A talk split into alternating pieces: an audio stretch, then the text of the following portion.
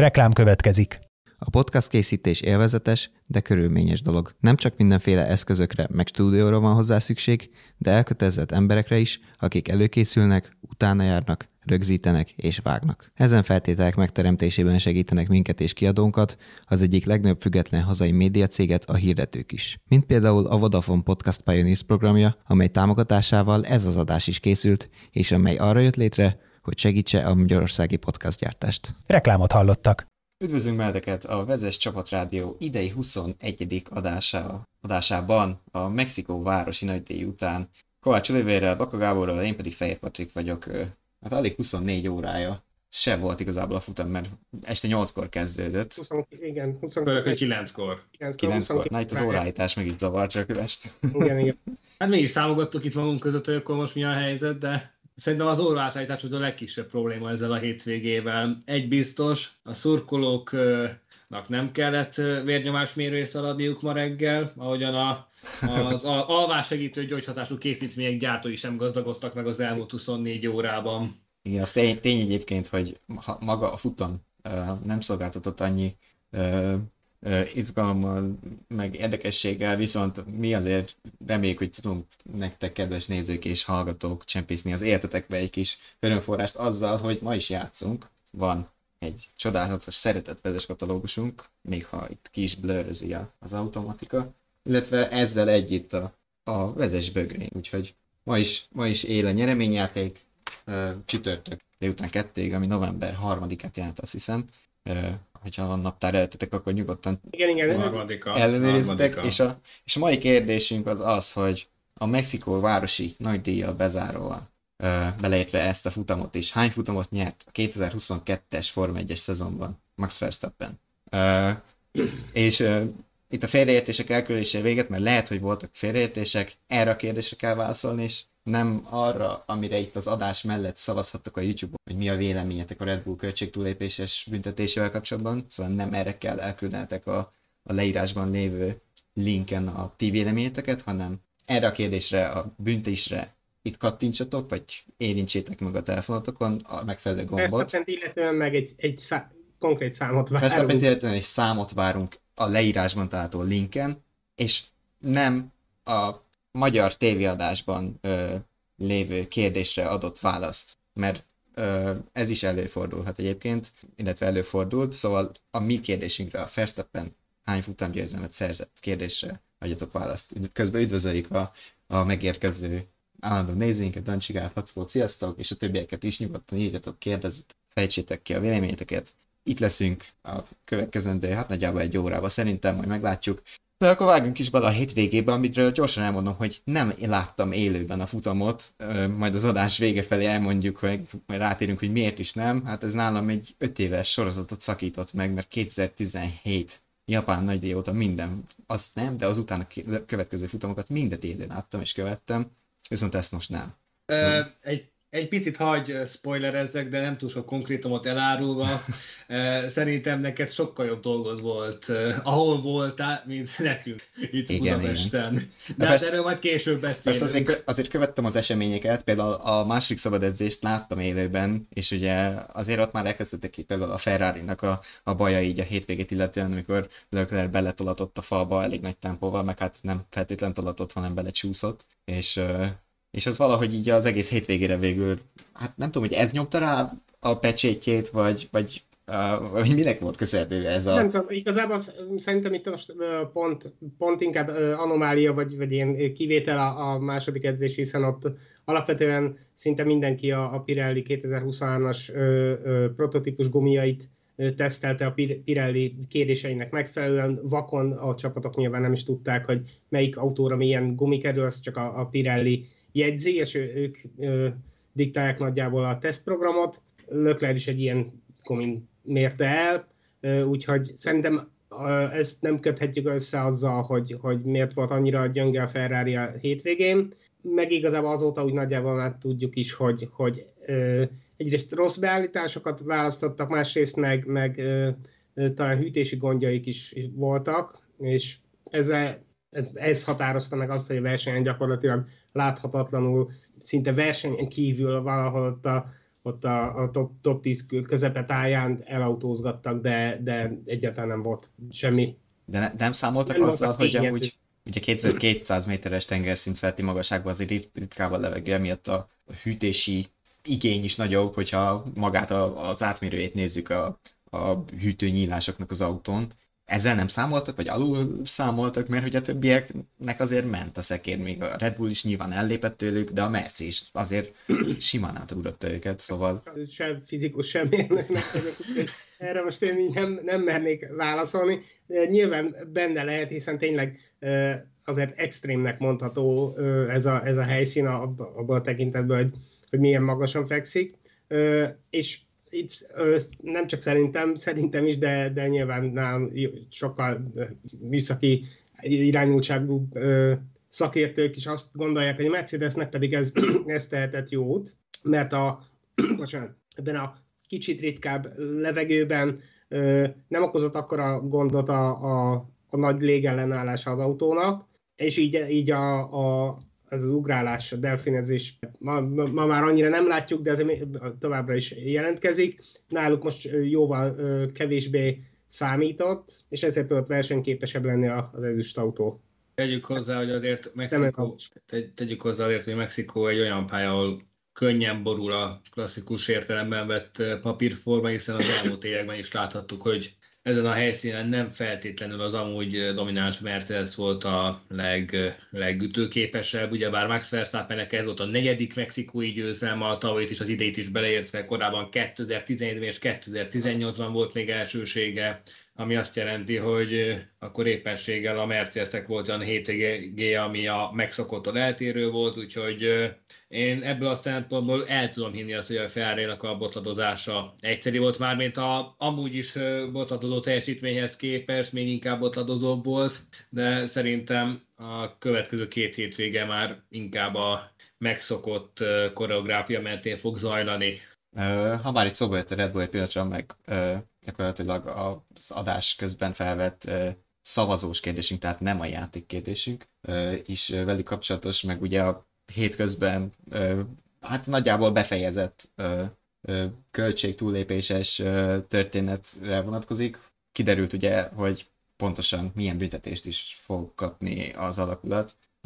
Közben várjuk egyébként a nézők, élőben bennünket követő nézők hozzászólásait és véleményét is esetleg kifejtve ebbe a témába, hogy, hogy ez a 7 millió dollár, ha jól rémlik, illetve a 10%-os, minek hívják ezt, szélcsatorna idő megvonás. Igen, hát nem csak a szélcsatornára vonatkozik, inkább mondjuk úgy, hogy a aerodinamikai tesztel, tesztelési keret csökkentés, talán ez fedi legjobban.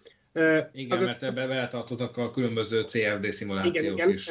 Szóval azért szögezzük le, hogy mondjuk az alapokat, hogy ugye arról van szó, hogy a Red Bull leadta maga, maga kis költségvetési kimutatását, aztán az FIA-nál megvizsgálták, és kiderült, hogy itt aztán nagyon nem értenek egyet a, a, az FIA szakemberei, meg könyvvizsgálói, meg a független szakemberek, akikkel átnézetik ezeket, és a Red Bull könyvelését végzők, mert a Red Bull, amikor eredetileg leadta, ők még valami, valami öt, több mint 5 millió fonttal alatta is voltak a, a keretnek, viszont ö, egészen másképp számoltak bizonyos tételeket.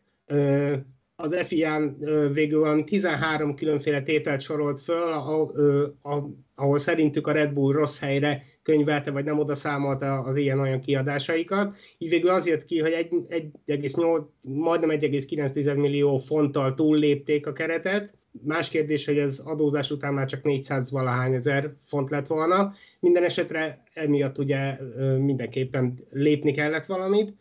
Most itt a Red Bullnak két választása volt az, hogy megegyezik az FIA-val, vagy viszik az ügyet, és akkor, és akkor akármi is lehet a vége. Itt most az a fontos, hogy, hogyha nem egyezt, a Red Bull nem vállalta volna hogy oké, okay, hibáztunk, és akkor egyezzünk meg valamiben, akkor, akkor a pakliban lett volna a kizárás is, pontlevonás és akár bajnokságban való kizárás is, a, már a, a tavalyi évre. Ebben az esetben viszont a megegyezés keretében ez a két ö, opció nem játszott, így jött ö, ö, csak a pénz, pénzbírság és, a, és ugye ez a tesztelési ö, csökkent, keret csökkentése.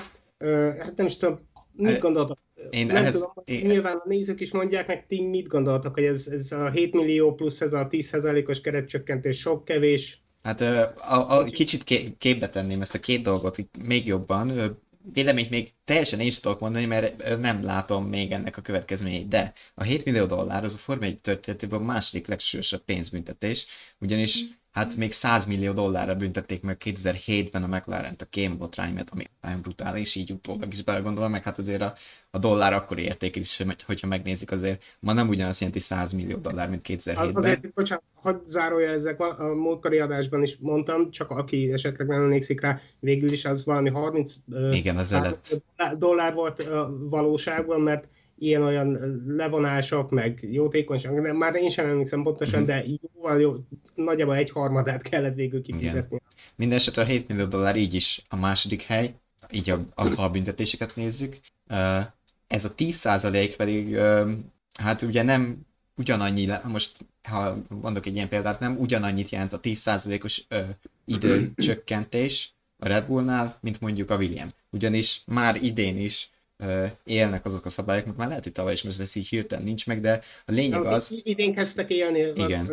az előző idényhez igen, képest igen. az idei évtől működik ez a rendszer. A lényeg az, hogy a, az egyes csapatok a szélcsatornában és a számítógépes Számítógépes dinamikával fix időt tölthetnek, de minél, keve, minél előrébb végeznek a tabellán, annál kevesebbet. A Red Bull például a kitűzött 100%-os időhöz képest csak 70%-ot tölthettek eddig, mert ugye ők voltak az élen, míg a alul ö, állomásozó ház, meg Williams értem szerint 100%-nál többet, most nem tudom, hogy pontosan mennyi az érték, és a hetedik hely környéke, a hatodik, hetedik hely környéke volt a 100%. Igen, szóval... az a bázis. Igen, igen. Az igen. A szóval aki a fölött, az, az kicsit kevesebbet, a lentebbiek pedig többet. Szóval a Red Bullnál a 70%-ban jön le a 10%, ami egy gyors matek kijön, hogy ez 63%-ra csökken az idő. De ez szerintem még mindig, igen, ez, ezek számok, de talán úgy, úgy még többet mond, hogyha, hogyha azt nézzük meg, hogy, hogy a közvetlen riválisaikhoz képest mit, mit jelent ez.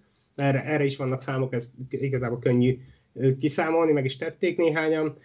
Csak hogy értsük, hogy a, a Red Bull büntetés nélkül a 2020, vagy gyakorlatilag a, a büntetés mo, mostantól, amikor megszületett a megegyezés 26-án, azt hiszem 26. dátummal, onnantól egy éven keresztül vonatkozik rájuk ez a korlátozás, és onnantól kezdve van, van ez a csökkentett teszt, aerodinamikai tesztelési program, ami azt jelenti, hogy bocsánat, csak itt rá, ránézek én is a számaimra, szóval hogy míg mondjuk előtte 224 órányi szélcsatornás tesztelést végezhettek volna, így most 202-t tudnak majd. A CFD-s programokból, vagy ezt, ezt igazából elemekre, elemekre számolják, hogy hány ilyen elemet vizsgálnak, komputerrel, és 1400 helyett 1260-at fognak tudni ebben az időszakban megcsinálni, míg mondjuk a Ferrari 240 és 1500, a Mercedes pedig 256 és 1600 ö, ilyen ö, tesztet végezhet el, úgyhogy ennyi a, a különbség, aztán arra ugye meg, meg, megint csak megoszlanak a vélemények attól függően, hogy ki melyik oldalon áll, hogy, hogy ez most sok vagy kevés, vagy milyen hatása lehet a pályán. Ugye Christian Horner, a Red Bull csapatfőnöke azt mondta, hogy hogy egy negyed vagy fél másodperc is lehet a hátrány jövőre emiatt. A, Mi azt is mondhatna. Tehát. Igen, de a Ferrari-nál meg a Mercedesnél meg azt mondják, hogy ó, ez egy-két tized lesz talán. Másrészt, ami, ami fontos, érdekes szempont, hogy a Mercedes kiemelték azt is, hogy, hogy valójában még kisebb veszteség ez, mint ami ennek így a puszta számok alapján tűnik, mert, a, mert ez akkor jelentene sokat, ha, ha valami tév, tévutas fejlesztés lenne, és azt kellene korrigálni, az az alapoktól kellene újra tervezni az autót, viszont a Red Bull autója ugye kész van, és a mezőny legjobbja, úgyhogy, úgyhogy ez a csiszolgatásból jön le legfeljebb, úgyhogy ettől nem, nem fog összeomlani a Red Bull.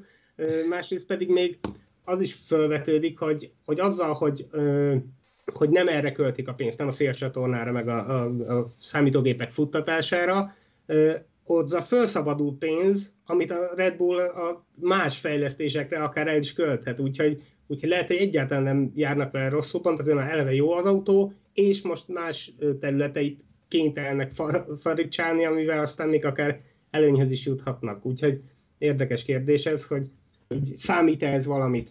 Közben pedig jönnek az első olvasói megnyilvánulások is a kérdésben. Dancsiga enyhé büntetésre számított, például meglepte őt, hogy ilyen mértékben korlátozták a, a szélcsatorna használatot, de ettől függetlenül arányosnak tartja a szankciót, míg Lackó szerint ilyen ez a mafia, ugyanezért a dologért egyik csapat ennyit kap, a másik annyit, ezt a siva pályák igazolásoknál is meg lehet figyelni. E, véleményem szerint e, azért néz megállapítani, hogy milyen következménye lehet ennek a, ennek a korlátozásnak és büntetésnek, mert, e, mert itt ugyebár a órák száma abból a szempontból meghatározó elsősorban, hogy hány adott szimulációt tudnak lefuttatni különböző beállításokra, meg egyéb ilyen, ilyen, ilyen fizikai összefüggésekre, és lehet, hogy így kevesebbre jut idő, de ettől függetlenül még mindig ott, lehet az a, ott lehetnek azok a variációk, amik ugyanúgy győzelemre viszik az istálót.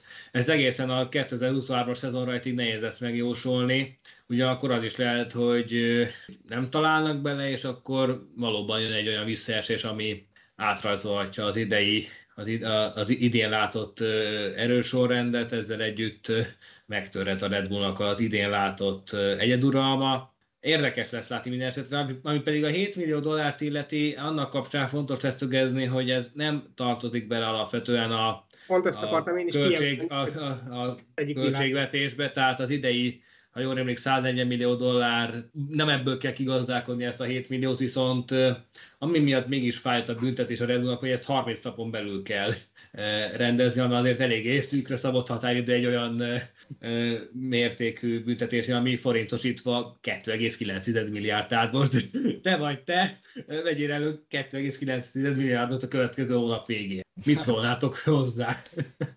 Hát nem örülnék. Jó, nem is az én költségvetésemet ellenőrzi. Meg nem én könyveltem kreatívan. Egyébként itt még egy kicsit itt visszalépnék csak arra, hogy egyáltalán mennyire indokolt ez a büntetés, mert szerintem föltételezhetjük elég megalapozottan, hogy, hogy nyilván minden uh, csapatnál igyekeztek a lehető legkreatívabban könyvelni, fő, ahol sokat költenek, mondjuk egy Williams nem sokat, bár biztos, Nincs az összes pénzük annyi. Másokból, de igen, szóval... Hátnál talán jövőre lesz annyi. E, szóval, szóval szerintem ahol, ahol volt akkor a keret, hogy, hogy legyen miből ügyeskedni, okoskodni, ott azt, azt meg, meg is tették, és a, nem, szóval gondolom, hogy senki nem teljesen jó hiszemű, de mindenki igyekszik jó hiszeműnek látszani. A Red Bull is próbált annak látszani, és mivel ez a, ez a legelső alkalom, amikor, amikor ezt megvizsgálták, én még azt azt is el tudtam volna fogadni, és nem azért, mert a Red Bullnak drukkolok, hogyha más csapattal történt volna hasonló, akkor is így, így gondolnám, hogy, hogy elsőre valami jelképes, ennél jóval kevesebb jelképes összegű büntetést szabnak ki, és figyelmeztetést, másrészt viszont azt is megértettem volna, és abban is lett volna logika, ha, ha nem csak ilyen, ilyen jellegű korlátozásokat ö, szabnak ki rájuk, hanem akár a, a a, a következő ö, költségvetési limitjüket csökkentik, mondjuk akár éppen 7 millióval, anélkül, hogy be, be kell fizetniük valamit, de eleve azt lejjebb vitték volna. Nehéz ezt megítélni, mert most mit mondjunk, a Red, Red Bullnál azt mondják, hogy úgy számoltak, az FIA-nál azt mondják, hogy nem, nem úgy számoltak, nem tudom, nagyon nehéz, nagyon nehéz kérdés. De szerintem összességében azért korrekt uh, ítélet született az ügyben, hisz ha azt tesszük, akkor egy olyan rendszerről van szó, ami, ami az első évén van túl gyakorlatilag, ebből eredően több olyan pontja is volt, illetve valaminek az értelmezésen nyilván eltér egyes felek között, és éppen ezért még valószínűleg lesznek is különböző finom hangolások rajta a következő évben, ugyebár előszeretettel szídjuk az FIA-t, azért beláthatjuk, hogy van olyan szabály, ami még így 40 év alatt sem forrotta ki magát teljesen, szóval Igen. ahhoz képest, hogy az első költség limites év ben csak ennyi, Galiba adódott meg egy-két adminisztrációs gumat, például az Aston Martin meg a Williamsnél, ahhoz képest szerintem jó a helyzet, és egyre ezt jól is kezeli. Egyébként nagyon jó, ért szerintem Nagy Leon, amivel abszolút egyet tudok érteni. Sziasztok fiúk, szerintem kellett ez a bünti, mert ha itt megúszszák, akkor elfajultak volna a dolgok jövőre. Hát nem mondom, hogy elfajultak volna, de tény, hogy, hogy ha valamikor, akkor az FIA-nak most kellett a sarkára állnia, hogy, hogy ö, itt elnézzük, ott jó van, majd jövőre csináltok meg szépen. Nem, ez tényleg valamit kellett. Az arányokkal én tényleg még nem tudok mit mondani, viszont az, arra a Lackó kommentjét, amit olvastál korábban, Oliver, hogy, hogy, hogy ilyen ez a mafia, ugye az FIA-ból lett a szójáték a mafia, ugyanezért a dologért egyik csapat ennyit kap, a másik annyit igazából, hát ez ugye itt konkrétan arra utal, hogy a 10% nem mindenkinek jelent ugyan, ugyanannyit. Ez szerintem nem maffiaság, hanem, hanem ugye direkt pont az esélyek kiegyenlítése miatt hozták be azokat a szabályokat, hogy alapból nem tesztelhet, meg nem szélcsatornázhat ugyanannyit egy-egy csapat, és hát 10% hogyha valakire nem annyi óra mínusz jelent, mint a másikra, hát most ezzel nem tudunk őszintén mit kezdeni, meg szerintem nem is kell. Ez a 10% 10% fájni fog, mindenkinek ugyanúgy fájna az a 10%, mert, mert, mert ők az, az egészükkel számoltak, amik azért tudják a csapatok, hogy nagyjából a bajnokság 4. vagy 5. helyén fognak végezni, nyilván az is különbséget jelent a, az óra számban, amit tesztelhetnek, és akkor megpróbálják arra optimalizálni mondjuk az egész éves programjukat, de ha abból így lejön mondjuk mi van most október 30-ére, szóval mondjuk ha Red Bull tudta már egy, egy másfél héttel akár ezelőtt is a, az eredményeket, és azért már bőven benne vagyunk az évnek azon szakaszában, amikor már a jövő évi program nagyon komolyan kezd összeállni. És ha abból most mondják, hogy jó, ti jövőre van 10 órátok, de abból egyet kidobtok, az, az nem jó. Az, az, az borítja, boríthatja az egész programot, vagy olyan dolgokat kell Abszolút. kihúzniuk a, Tegyük a hozzá, ugye ez a teljes jövő évi fejlesztést fogja vissza, sőt, még a 2024-es autófejlesztésének kezdetére is kitart, ez ugye jövő egy, egy teljes évig, úgyhogy jövő október legvégéig. Úgyhogy igen, ilyen szempontból. Másrészt viszont, hogyha, hogyha meg példát akartak volna statuálni, akkor, akkor lehetett volna a, a tényleg szigorú megoldás, hogy, hogy akkor kö, a költségplafonból tessék akkor ezt le, levonni ezt a büntetést, ilyen, ennyivel kisebb a keret, az biztosan mindenkinek elég elrettentő lett volna. Nem, ne, szóval ne, nem tudom, hogy, hogy mi lett volna jó, mert lehetett volna méltányosan is, hogy jó, oké, első év, de, de ha meg azt akarjuk, hogy komoly tétje legyen, akkor meg lehetett volna ennél szigorúbb is. Vagy akár olyat is láttam, és ezt sem tartom hülyeségnek, hogy például a, a jövő évi szezon előtti tesztelés ből venni a Red Bullton napokat. Erről, ebből az, az valamelyik adásban talán beszéltünk is, igen, szóval lehet, hogy itt is hallhattad,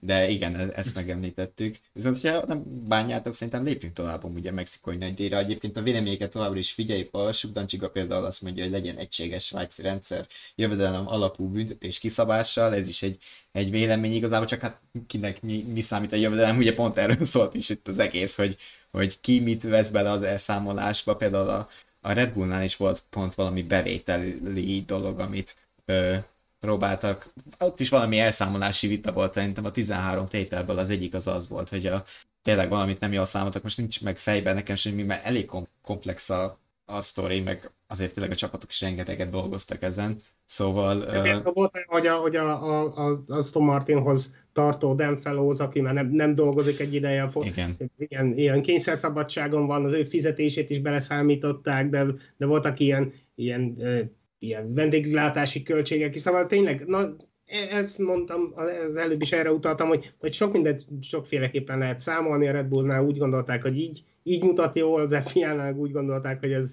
már nem mutat olyan jól, nehéz, nehéz. Na nézzük egy kis mexikói nagydíjat, hogyha már így az adásunk címeit egy van az, hogy tálcán kínálta a rekordot Verstappennek a Mercedes, ugye hát a rekord az Verstappen ugye az egy éven belül aratott 14 futam győzelmet jelenti, azért hát Schumachernek és Vettelnek eddig pártan tartották a rekordot, 13 jött össze.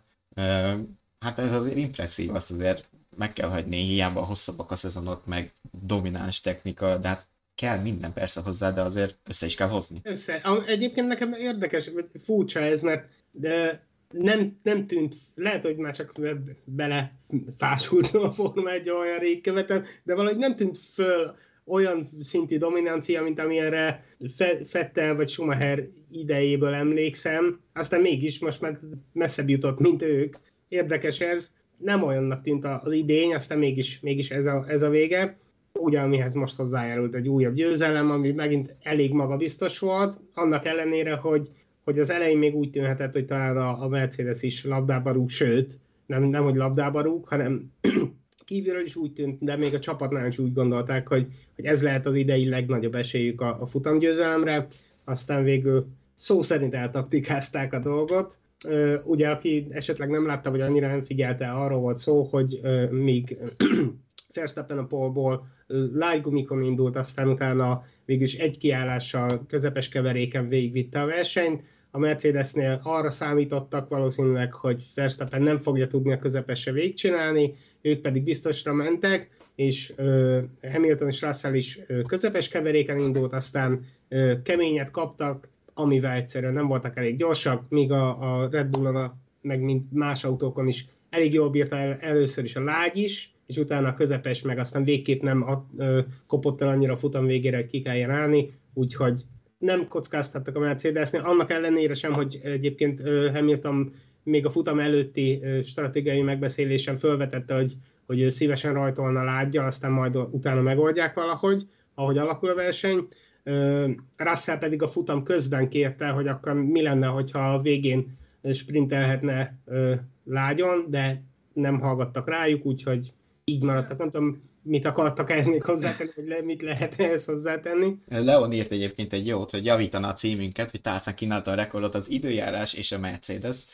Ha olyan meleg az aszfalt, mint korábban, semmi esélyük nem lett volna a, közep, a lágy közepes napigára. Ugye tényleg a hétvége az, az korábban nem, az melegebb volt, mint maga a futam idején, viszont hozzátartozik ehhez, hogy fel kell ismerni a körülmények változását, amit a Red Bull felismert. És, és... Igen, és a Mercedes pedig ragaszkodott ahhoz, amit előre kigondoltak, pedig pedig hát épp ez lenne a, a dolguk ott a stratégáknak, hogy gyorsan kiszámolják meg, megnézzék, meg figyeljék, hogy másokon hogy működnek a, a, a különböző keverékű gumik, és itt azért láttunk példákat is arra, hogy volt, aki, aki a futam több mint felét le, letolta lágyon, például Fettel. Hát több mint a felét, igen, igen. Jócskán többet, igen, szóval, hogy, hogyha az addig bírta, akkor gondolhatták volna, hogy, hogy valami mást is meg lehet próbálni, de nem, ki, kitalálták az elején ezt, hogy közepes kemény, és akkor ragaszkodtak hozzá. Nem tudom így, hogy akartak győzni. Hát, szóval. Picit olyan, picit olyan, mint hogyha nem készítették el volna teljesen a házi feladatot, házi feladatot így vasárnapra, mert mint a, ezt a forgatókönyvet megálmodták volna, és görcsösen ragaszkodtak volna az egészhez, és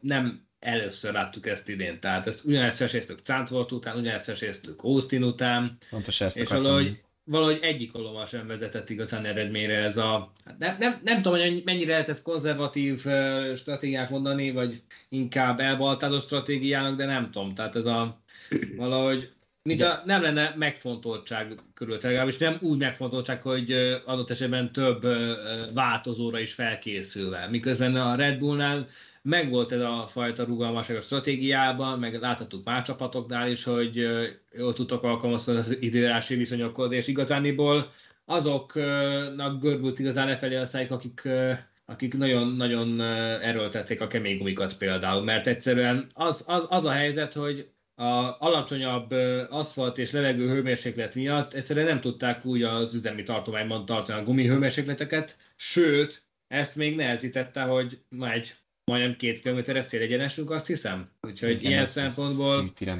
i- ilyen, ilyen szempontból nem volt ez átgondolva. Hát az ö, már Austinban is pedzegettem ezt a gondolatot, meg itt is így a futamot látva, hogy hogy uh, ugye Austinban az volt a helyzetem, hogy Hamiltonnak gyakorlatilag az ölébe hullott a lehetőség, hogy akár meg is nyerje a futamot. Uh, aztán ugye végül jött Verstappen hátulról, és az elrontott box kiállás után megelőzte Itt viszont az első etapba tudott eltérő gumikon Hamilton Verstappen nyomában van. És azért ez, ez egyfajta más különbséget jelentett, és ebből a kettőből vagy azt látom én, lehet, hogy rosszul egyébként, de azt látom, hogy, hogy nem feltétlenül hiszik el azt magukról, hogy ők akár jelenleg, ha tényleg felkészülnek rá, hogy a győzelmért is játszhat. Egyébként csak tegyük hozzá, nekem úgy rémlik, hogy Austinban nem, nem volt már használható ö, ö, lá, lágy a végére Hamiltonnak, és azért volt kénytelen ö, keményen befejezni, de ezzel együtt igen, folytasd csak. É, é, szóval igen, de gyakorlatilag, hogy,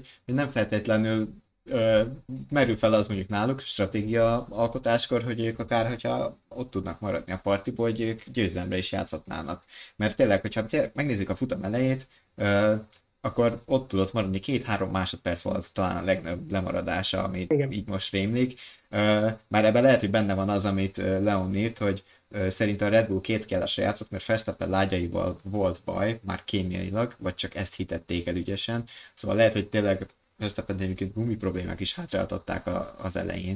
Ja, én egyébként meg vagyok győződve róla, hogy a Red Bull eredetileg két kiállásra gondolt, de igen, pontosan az történt, amit, amit a Mercedes-től hiányolunk, hogy alkalmazkodtak, látták, hogy aztán végül meg lehet ezt csinálni, a közepesen nem kell a végére újat fölvenni, akármilyen keveréket, és akkor végig is tolták a Mercénél, meg az volt, amit mondtunk, nem, nem ragozom szóval ők nem. Tolmácsi Ferenc szerint pedig talán megkérdezhetnék a többszörös világbajnok versenyzőiket is, hogy ő mit gondol, vagy mit szeretne. Hát megkérdezhetik, csak ebben azért mindig benne van az veszély, hogy ő nem feltétlenül látja át úgy a futamot az autóból ülve, mint a mérnökök a box utca falon, és, és hát maradjunk annyiban, hogy a Merc az utóbbi időben inkább megmutatta azt, hogy, hogy erre nincs szükségük, nem úgy, mint a Ferrari-nál, ahhoz azért most ezen a futamon nem feltétlen, de hogy, hogy sokszor tényleg a pilóta hoz majdnem, hogy komplet stratégiai döntéseket, mert amit a box utca falról ajánlanak nekik, az, az azért inog hatékonyság szempont, meg versenytem. Úgyhogy gyakorlatilag igen, ezzel, hogy a, a Merci tényleg nem próbálta meg uh, győzemre játszani ezt a játékot, Verstappennek csak be kell gyalogolni a, a kerékcsere után a célba, és ünnepeltetnie magát. Uh, 70 ezer néző ott a stadionban, úgyhogy tényleg... Az még jobb, hogy még a csapattársának is, aki ugyan nem tudta ugyanezt a tempót hozni, azután, hogy, hogy a rajt után sikerült felkapaszkodni a harmadik helyre, még egy, egy a szokásosnak kétszerosabb kerékcsere után sem kellett félni attól, hogy Russell elkapja és elveszi tőle a harmadik helyet, szóval tényleg a Red Bulloknak csak célba kellett érni, mert a Mercedes annyira nem fenyegette őket komolyan. A Ferrari meg végképp. Igen, igen, róluk már. Meg... Nagyon egyértelműen le voltak osztva a lapuk, ugyebár itt a elkavarodott kiállásra olyan helyzet alakult ki, hogy a Red Bull és a Mercedes között volt egy göncölszekér, utána még két göncölszekér a, a, a Mercedes és a Ferrari között. Ugye én pont ö, ö, repülőről szálltam le, amikor láttam a futam végeredményét, ö, és nagyon durván meg voltam lepődve, hogy egy percet kapott Leclerc verstappen -től. És azért ezen a pályán az már közelít a... Szóval Verstappen közel volt Leclerchez, hátulról, mint Leclerc Verstappenhez. Halott. Úgy kezdődött ez a szezon, hogy azért köztük Hát fej, bajnoki csata lehet. Igen, és hogy hova jutott el ez a szezon, így 14 győzelem egy, uh, egy éven. Ami, amúgy mondtuk már a játék kérdést? Igen, most volt érdemes figyelni itt az aerodemonstráció kapcsán, meg Kicsit. ugye már emlegettünk rekorddöntéseket. Kicsit segítettünk, Tehát, hogy hány futamot nyert a 2022-es Forma 1 szezonban a Mexikóvárosi nagydíjjal bezárva Max Verstappen. Szórogatjuk a morzsákat. Játszatok velünk a leírásba található linkre kattintva majd, de ezt sütörtök délután kettig bármikor meg, aztán sorsolunk ezeket a nyereményeket, vezes Katolgus 2022 és egy vezes bögre kettőt egy ez van nálam szólnak a mentek, hogyha behallott szóval elnézést. Szóval igen, még így a, a, ne, visszanézve így a, a futamot, mezőny hátsó részeiben kitértünk, például a Daniel Ricciardo, aki egyszerű. De annyira azért nem a hát, hát, hátsó része, inkább csak a, inkább a közepe, koncert, igen, igen. Közepe.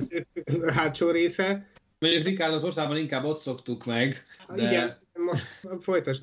De valóban Például a McLaren az képes volt arra, amire a Mercedes nem, hogy felismerte a, a körülményekben rejlő lehetőségeket, és Ricardoval el, elnyújtottak eléggé az első etapot, ennek köszönhetően egy lájgomis, agilis felzárkózás következett a másodikban. Igaz, hogy Porsche is csúszott a gépezetbe, mert ott volt egy eléggé, hát nem tudom mennyire mondhatjuk véleményes esetnek Cunodajoki megreptetését, aminek egy 10 Aha. másodperces uh, időbüntetés lett a vége, de minden esetre az Ausztrál ezt is ki tudta bekkelni, mert pont volt még annyi tempó, hogy Esteban Okonnal szemben kiautózza ezt a különbséget, úgyhogy az idei egyik legjobb versenyét, eredmény szempontjából a harmadik legjobbját teljesítette Ricardo. Úgyhogy nem lett a nap, nap versenyzője, mert ha volt is akció a pályász lényegében neki köszönhetjük. Szerintem véleményes volt az a szitu egyébként. Én nem adtam, 10 másodpercet biztos, hogy nem adtam volna rá, szerintem az szigorúbb volt. Vagy szigorú büntetés ötös, volt. Ötös. Hát vagy semmit. Igen, akár a versenymásat is belefért volna, hiszen szerintem Tonoda is annyira benne volt, mint Ricardo, hiszen ha azt tesszük, egy jobbos kanyar jön, ő meg nyitva hagyta a kaput. Nyitva hagyta a kaput. Nem mondom, hogy Ricardo meglátta a részt, mert olvastam Ricardo-nak a nyilatkozatát, tehát ő alapvetően nem akart előzni, hanem csak,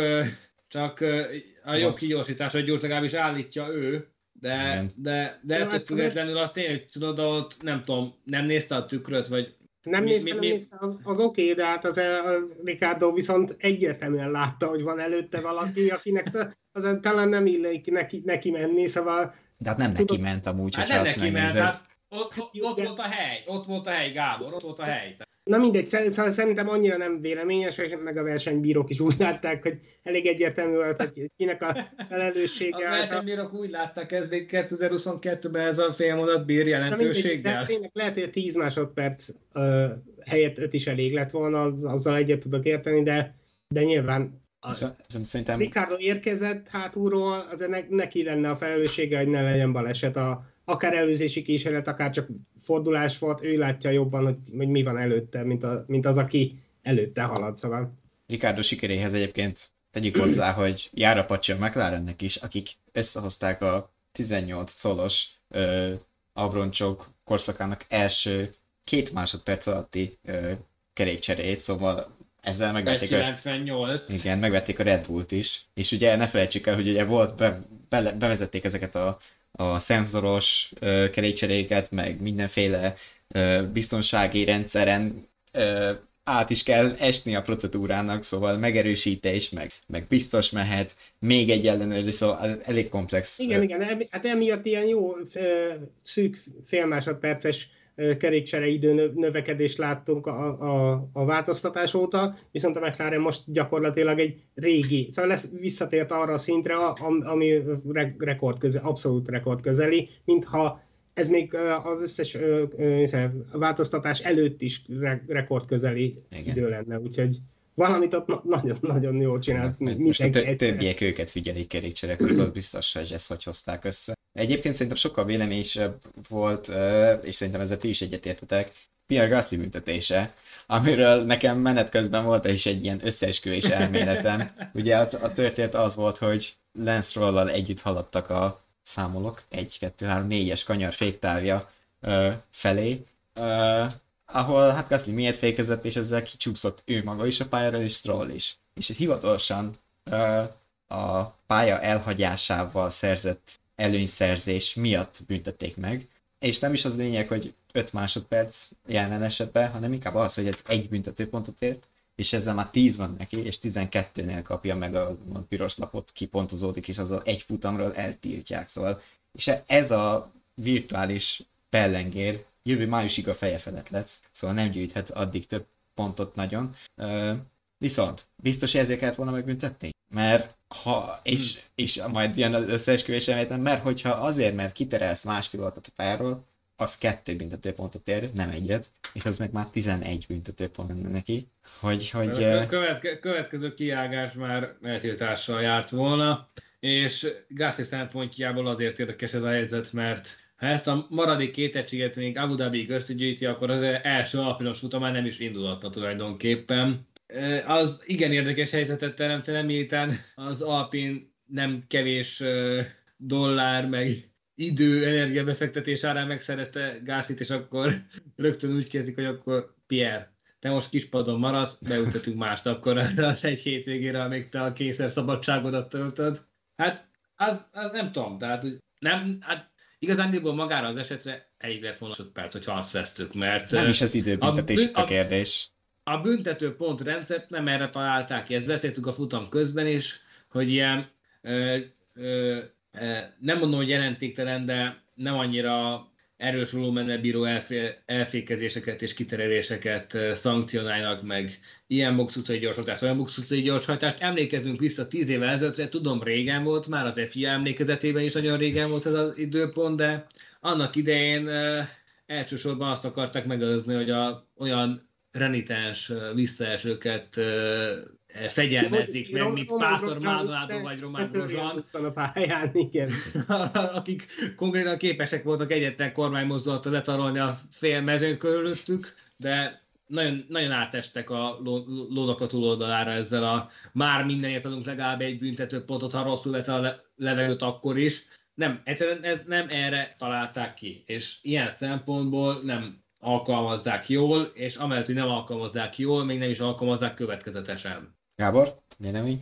Nem tudom, ig- igazából most az, mindig, mindig én vagyok az ördög ügyvédje, de, de ugye lett volna egyszerű megoldás is, az, hogyha Gasly a következő kanyarban félrehúzódik, vagy valami, aztán akkor elkerülheti ezt, mert ezért szerintem számára is nyilvánvaló volt, éppen eléggé tapasztalt versenyző, az hogy tudja ezt, vagy akár a csapat részéről szólhattak volna, hogyha neki nem jut eszébe, hogy, hogy hello, hello, akkor ezt ad vissza gyorsan, aztán majd meglátjuk, mi lesz. Szóval szerintem elég amatőr hiba volt ilyen szempontból, és ez ilyen fölöslegesen húzta magára a, a, a büntetést, főleg úgy, hogy szerintem az, azt viszont ő is érezheti az FIA-nál, a, a, a Suzuka óta nem áll jó a szénája, és, és hogyha ő csinál valamit, akkor oda fognak figyelni, úgyhogy Hát ha létezik különleges bánásmód, akkor az Nyilván ez... ez mind íratlan dolog, de, de szóval ő is lehetett volna okosabb, és akkor most nem beszélnénk erről.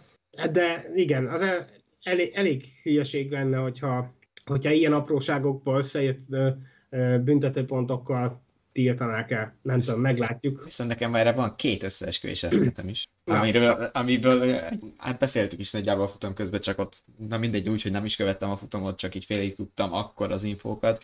Szóval az egyik az az, hogy uh, Kassi lehet, hogy még az Alfa Taurinál ki akarja magát pontozni. Azzal, hogy csinálja hülyeségeket, és az Alpinhoz már tiszta lappal menjen, és még kiüli a szezon zárót, vagy mit összegyűjti. A másik pedig az, hogy azért az FPA nem is biztos, hogy szívesen eltiltaná őt, és ugye itt erre a szitúra tényleg lehetett volna adni azt, hogy Strollt kiterelte a pályáról, és arra van precedens, hogy az kettő büntető pontot ér, és nem... Közvetítésben egyébként én meg is előlegeztem neki, utó, utólag javítottam is, hogy végül csak egyet kapott, én is kettőre számítottam. És, és, hogy, és hogy akkor nem 10, hanem 11 lenne a számláján.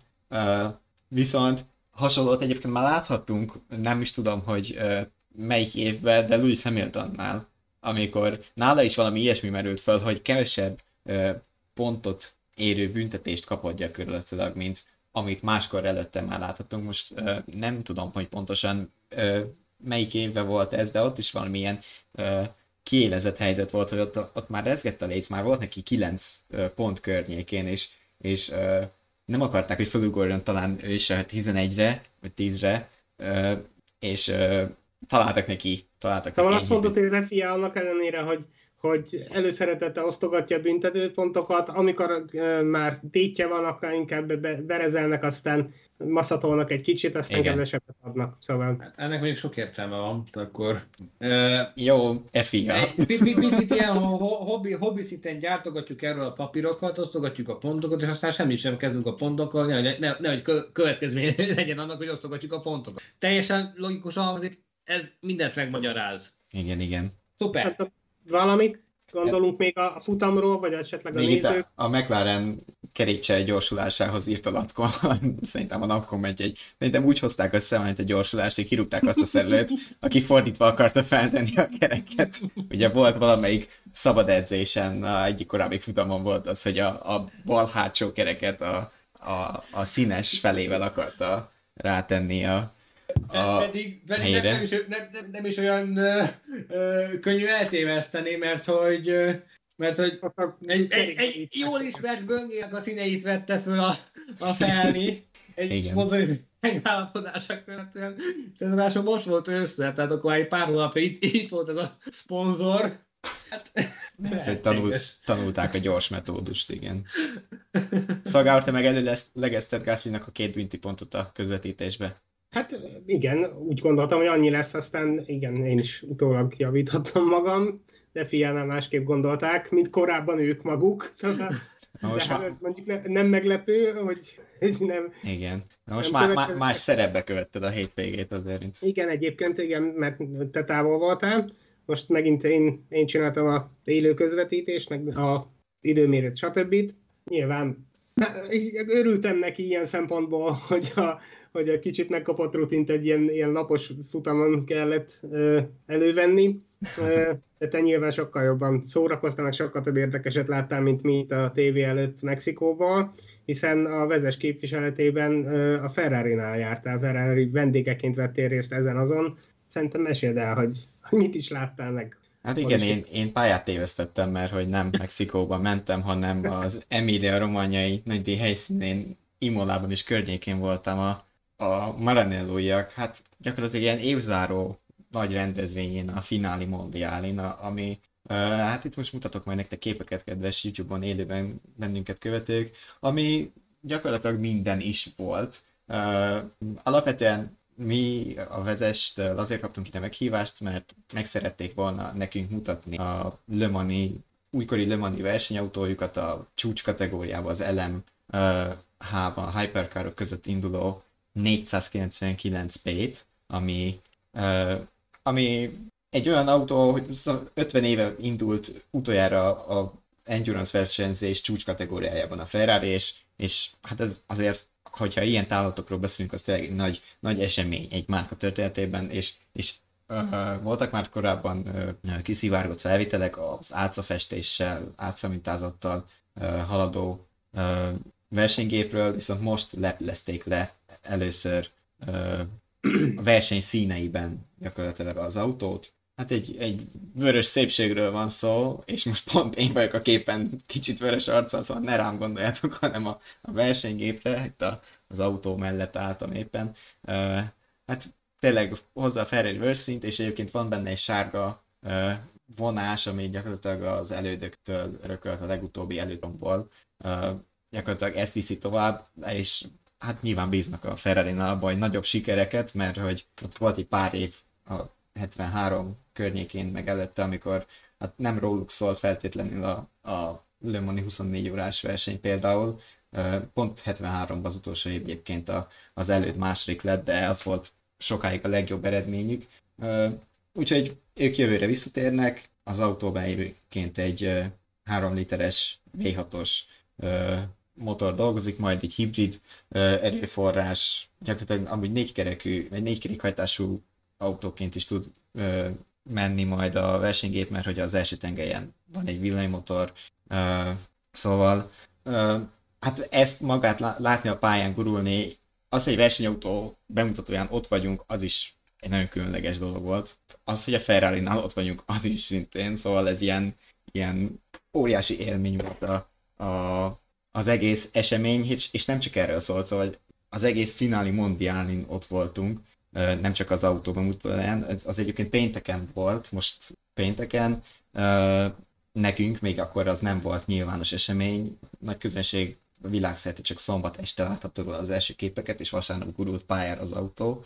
De hát mellette ünnepelt a Ferrari, tényleg ez, ez, egy, ez egy óriás méretű buli, rengeteg autóval, hát úgy szám szerint 220-nál is több volt. És a, igen, és hát a azért a Pirellit azért ilyenkor nem irigylem, mert hogy gyakorlatilag 5000 abroncsot hoztak a helyszínre a pályán köröző autóknak, és itt nem csak a versenyautókról van szó, mert hogy köröznek a Ferrari Challenge-en belül ö, versenygépek, amiknek szintén a Pirelli szállítja gumit, de a Forma 1-es autóknak is, amik bemutatóznak, meg az összes másik Ferrari-nak is, szóval mindenkinek ők viszik a különböző méretű, felkészített ö, minden gumit, ami, ami gurult Imolában, szóval... Hát hazaira hazait, az el... Igen.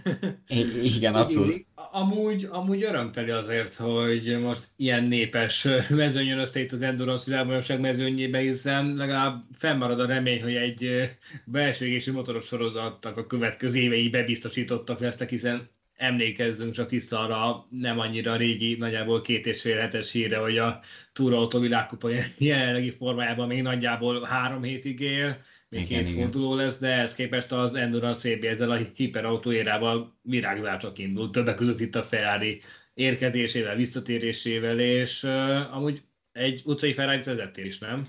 Igen, uh, még a, a Ferrari az biztos kérdeztetek itt az évzáróról, mert ugye Persze. régen, amikor, amikor, amikor még nem volt ennyire sűrű a Forma 1-es idény, meg nem, nem tartott ilyen sokáig a, a szezon, akkor, akkor ugye Forma 1-es a, az aktív Forma 1-es pilóták is feltűntek, néha a tesztpilótával együtt akár három, meg négy Forma 1-es autót is körbevittek ezeken a rendezvényeken a, a, a versenyzőik. Most volt vala bármilyen húzónév vagy sztár a... Uh, igen, sorban még a kérdéseken, szóval Oliver először hozta a, a, a versenyszélet, a Ferrari biztosította arról, hát így a, a jelenlévő újságírókat, hogy ez nekik egy több éves projekt lesz, szóval a, az Endurance VB az élni fog, mert lesznek gyártók benne, és ők is kitartanak és, és maradnak. Uh, hát húzó névből uh, a le, a, akikre így próbáltak építeni az eseményt, azok a, a, a Ferrari uh, GT pilótái a, a WEC-ben, ugye az Endurance vb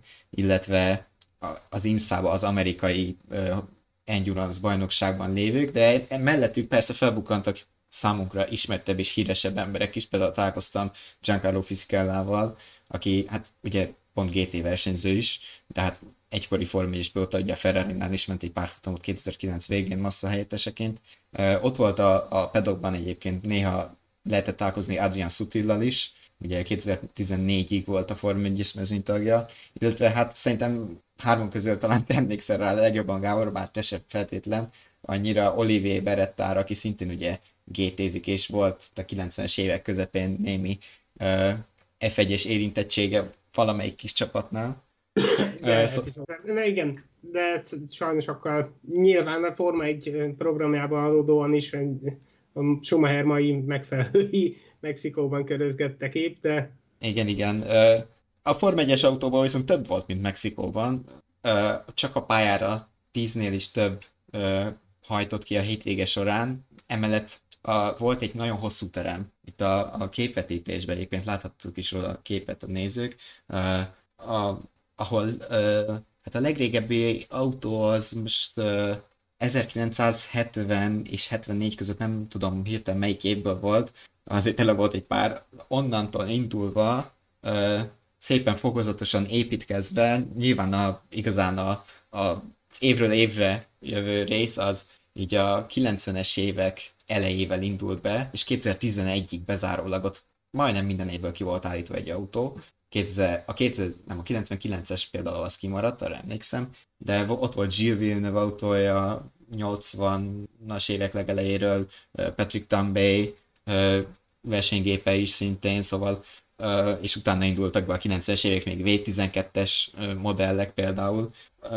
Szóval ott egy, egy helybe ki lehetett volna rakni egy Ferrari-ból álló Form 1-es rajtrácsot gyakorlatilag, meg aztán még a pályán is köröztek a V8, V10, V12, szóval ott, ott nagyon jó hangösszehasonlítást lehetett végrehajtani, sőt V6-os is volt, ugyanis Sebastian Fettelnek a, a 2017-es autója is pályára tudott bemutatózni, szóval már ilyen modernebb technikával is láthattunk a helyszínen autókat. Oliver még említetted, kérdezted itt az utcai vezetést, igen, volt, a, volt szerencsém ahhoz, hogy, hogy egy 296 GTS-t meghajtsak ott Imola körül.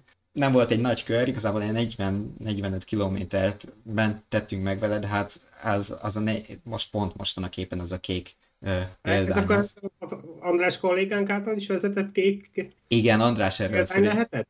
Tessék? A, a Szörényi András kollégánk által is vezetett kék példány lehetett? Vagy, vagy hogy de... pontosan ez volt, te nem tudom, de, de ugyanilyen, igen, igen. Az, nem... az ülés el volt állítva?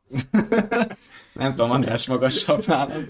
Azért kérdezem. Rendszámát Andrásnak nem tudom, de, de egyébként erről nálunk volt uh, teszt, szóval igen, hát figyeljetek, azért 830 lóerő, amikor ott van a, a feneked alatt, az, az, az sofőrként durva, utasként mindig durvább, mert, mert nem te kontrollálod az autót, és, és szerencsére jó Imola környéke ebből a szempontból, mert nagyon ö, jó szerpentines, kanyaros ö, történet is alakulhat abból, hogyha te arra mész autózni, és hát azért egy ilyen autóval, lenyhajtott tetővel, ugye itthon van ez a 12 fok köd meg minden, hát ott konkrétan október 30-án 25 fok verőfényes napsütés, hát nem volt jó hazajönni. Úgyhogy, de nem csak emiatt, hanem így az egész élmény miatt, és a legjobb volt, meg hát nem a leg, legjobb, hát jó nyilván, de, de amilyen döbbenetes, hogy szombaton volt egy gálacsora, azzal egy időben jelent meg a nagyvilágon, ugye a 499p-nek a, az első fotói és videói, és a gálacsora keretén belül felgurult a színpadra az autó, de úgy, hogy, hogy egy légtérben voltunk Piero Ferrari-val és John Elkanna, szóval tényleg a Ferrari top vezetői is ott voltak. Hát gyakorlatilag tényleg oda mehetünk volna beszélgetni bármi, semmi biztonsági ö, ö, ember had, vagy nem tudom. Szóval tényleg mindenki teljesen egy nyitott családként viselkedett az egész Ferrari, meg az összes vendég. Ugye hát azért nagyon sokaknak van itt komoly kötődése Ferrarihoz, legyen szó akár a dílerekről, akik ugye például működtetnek egyébként versenycsapatokat is itt a Ferrari Challenge-en belül, vagy, vagy az egyes országokból érkező helyi képviselőket, de tényleg mindenkivel le lehetett állni, beszélgetni, nagyon nyitott környezet volt. És, és marad, maradandó, hát felejthetetlen emlékekkel gazdagodtam ott, az biztos. Volt egyébként főleg vasárnap az indulásom, a visszaindulásom napján volt több programom, és akkor útba ejtettem például Ayton Senna szobrát a, a Tamburello kanyar helyén, gyakorlatilag ugye már ott egy sikán van, de hogy az régen ugye egy kanyar megtörtént a baleset, az, az például egy olyan pillanata volt az egész hétvégének, ami hát ilyen, ilyen megérintő, hogy, hogy én, nekem nem volt ilyen személyes viszonyom soha Stennával, mert nyilván nem akkor értem, meg, meg születtem, amikor ő versenyzett, hanem már utána, de hogy ugye az egész környezet más, hogy ott vagy a, a versenypályától gyakorlatilag 10 méterre, mert hogy Imola, Imola körben nőtte a, a versenypályát, és, és például a vonalvezetés területén belül van focipálya, játszótér, park, gyakorlatilag tényleg minden, mint hogyha a Hungaroring az a Városliget körül lenne. Így, így, így tudnám ezt a legjobban leírni. És ott be lehet sétálni, kutyát sétáltató, fiatalok, babakocsit toló anyuka, bármi, de valahogy annak a pár négyzetméternek van egy ilyen nyugisabb közege. Lehet, hogy elhúzott melletted egy, egy, egy versenyautó pályán, de ott mégis egy kicsit ilyen, ilyen meghittebb a kerítésen, rengeteg zászló, megemlékezés, feliratok, de az, az is egy szintén egy, egy, egy más, más atmoszféra az a szűk történet. Mindennel együtt ez egy, ez egy fejtetetlen emlék volt és emlék lesz a nem tudom, van-e kérdésetek, vagy, vagy valamire kíváncsiak vagytok? Akár az olvasó vagy nézőben van-e bármi kérdés ezzel kapcsolatban, hiszen nem minden nap jut el ilyen eseményre az ember, szóval lehet, hogy most Patrik olyan kérdésekre is tud válaszolni, amikre amúgy viszonylag nem sokan. Igen, igen. Uh, tényleg, hát fantasztikus volt. Hát tényleg ezzel megtört egy hosszú sorozatom, mert 2017 óta nem láttam élőben egy futamot, de azért pótoltam, mire ide érkeztünk a, a csapatrádióhoz. Uh, hát amúgy Imola, mint a versenypálya egyébként szerintem úgymond civilben, így a, ha nem munka kapcsán megy az ember, akkor is egy, egy, egy élményt ilyen, már csak emiatt is meglátogatni, meg körbenézni azon a, azon a vidéken. Uh, tényleg fantasztikus. De ezzel így az egész Ferrari közegbe, hogy ott van az ember, és ilyen át, átlengi a, az emócióni Ferrari az embert, hogy, hogy hát kis túlzása majdnem, hogy ilyen családtagnak érzi magát, pedig azért, ha megnézzük, azért egyre ö, szélesebb kört ér el a Ferrari, mint, mint autómárka. Azért egyre több és több ember vásárol, meg vásárolna autót tőlük.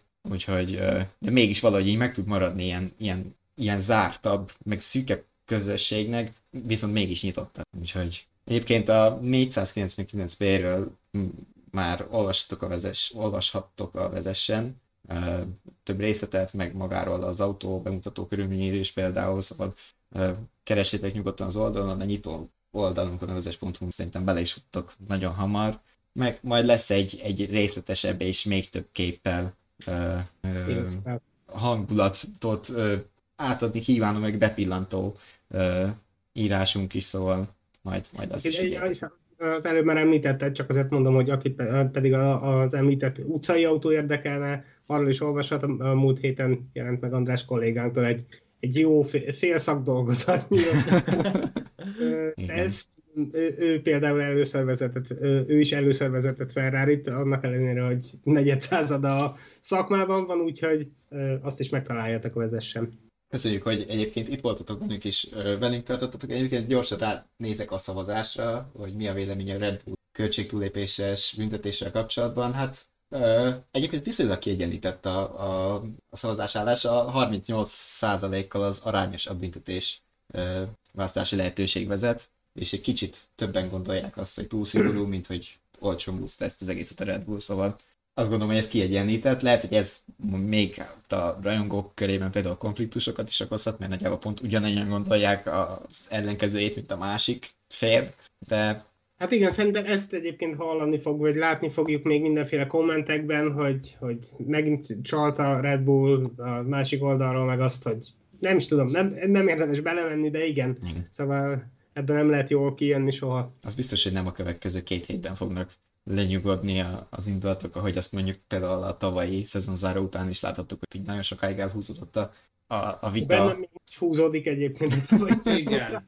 De... Gondolj csak, te, csak a Sky-os Ted Kravitzre. Jaj. Igen, Igen, igen. nem, kis, nem tudom, csak két-három mondatban Mond. esetleg nem, nem tud róla. A Red Bullnál a hétvégén úgy döntöttek, Max Verstappennek elege lett, de aztán az egész csapat gyakorlatilag magáévá tette ezt a hozzáállást, hogy, hogy nem nyilatkoznak a, a, a Nagy-Britanniában a Forma 1-et közvetítő Sky, Sky Sportsnak, mert a, a, a box utcai pedokbeli száguldó riporterük Ted Kravitz több ö, adásban is ö, olyan megjegyzéseket tett, amivel lekicsinyelte, meg kicsikbe vonta Verstappen világbajnoki címeit, miközben ö, honfitársa Lewis Hamilton ö, pozitív fényben jelent meg, de annyira, hogy, hogy nyelvbotlásként nyolcszoros világbajnoknak is nevezte, és a Verstappen erre azt mondta, hogy, hogy valahol meg kell húzni a határt. Ő nem mondta ki Kravitz nevét, de utalta arra, hogy a Sky Sportsnál most már hosszú ideje konkrétan egy személy folyamatosan lekicsindi őt, és, és itt a vége, úgyhogy most egy darabig a Brit Sky Sports kimarad Hát így jártak. Tehát amikor Ted Kravitz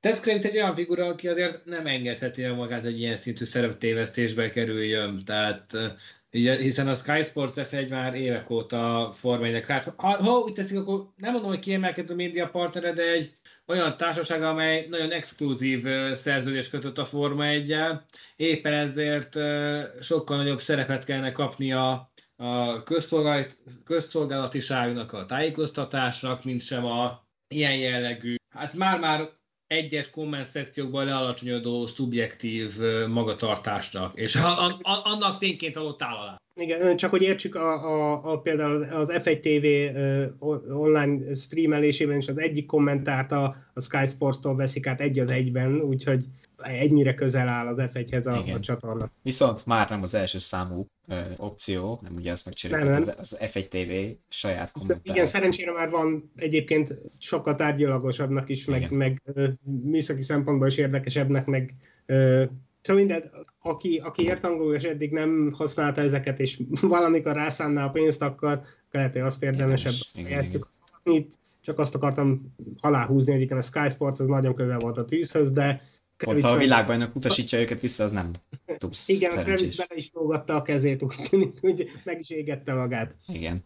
Ö, jó, hát ö, szerintem az adásunk végére értünk. Kettő fontos dolog maradt még. Az egyik az, hogy játszatok velünk. Kérdés az, hogy hány futamot nyert idén a Mexikóvárosi nagy díjat bezárólag, szóval ez is ér. Ö, Max Verstappen a nyereményeik, vezeskatológus 2022 és a bögre, szóval nem külön-külön, hanem egyen. Ez volt az egyik, a másik pedig az, hogy kettő hét múlva jövünk a Sao Paulo-i nagydíj, leánykori nevén brazil nagydíj utáni hétfőn, ami amúgy ne felejtsétek, de egy sprint lesz, ráadásul esti Jaj, futam. jó! Szóval- jó! Szóval itt majd keverik a dolgokat, uh, ugyanígy hétfő este 7 órai kezdéssel a vezes YouTube csatornáján, uh, hanyadika is lesz, ez november 14 jövünk majd.